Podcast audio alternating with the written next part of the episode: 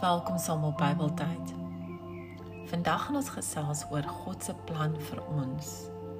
In Romeine 8 vers 2 staan daar: Die wet van die Gees wat in Christus Jesus die lewe gee, het jou immer vrygemaak van die wet van die sonde en die dood. Wanneer ons verlore voel in ons besluite, dan kan dit 'n aanduiding wees dat dit nie God se plan is vir ons nie. Ons probeer hard om iets te bereik of iets te doen en sien nooit resultate nie. Dalk moet ons weer bid daaroor en alles absoluut oorgee aan God. Ook wanneer ons sonde doen, dan voel ons dadelik skuldig want God praat met ons Die Heilige Gees gee ons leiding. God se wil vir ons is baie groter as wat ons ooit kan besef. Ons moet hom vertrou in alles wat ons doen. Al verstaan ons nie nou wat God met ons wil doen nie, dan moet ons hom nog steeds vertrou. Ons moet uitkyk vir die rigtingwysers wat God na ons kant toe stuur. Dankie dat jy saam geluister het. Totsiens.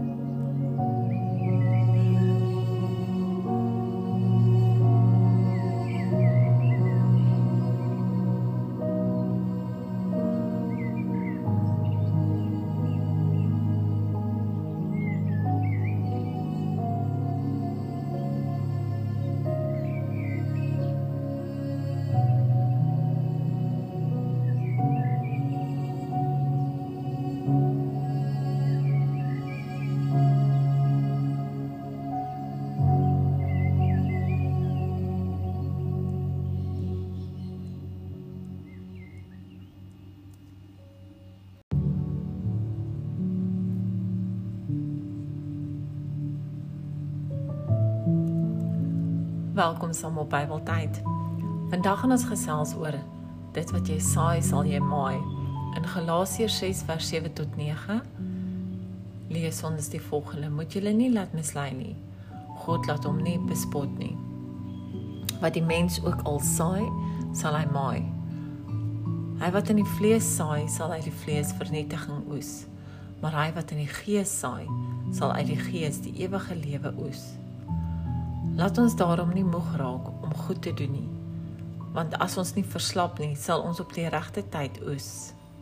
Laat ons dan terwyl ons die geleentheid het, aan almal goed doen, maar veral aan die huisgesin van die geloof. Die vraag is hoe lewe ons met die mense rondom ons? Bewys ons liefde en omgee of dink ons net aan onsself en waardeur ons gaan. Ons moet onthou dat hoe ons lewe met ander en wat ons sê en doen, dit sal terugkom na ons toe vir goed of sleg. Wanneer ons iemand probeer help, maar die persoon waardeer nie wat gedoen word nie, dan kan ons net dan kan ons met 'n geruste hart weet dat ons ons beste gegee het. Maar wanneer ons iemand probeer help uit selfsug, dan is dit sonde en dit sal terugkom na ons toe, nie met seën nie, maar met straf.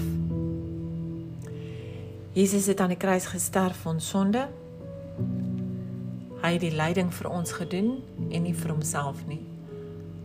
Sy liefde aan die kruisdood is 'n goeie voorbeeld vir ons om altyd lief te hê met 'n opregte hart. Ons moet onthou dat dit wat ons sê, dink en doen moet opreg wees, want dit wat ons uitdeel sal na ons toe terugkom. Dankie dat jy saam geluister het en dankie dat jy hierdie sal deel. Totsiens.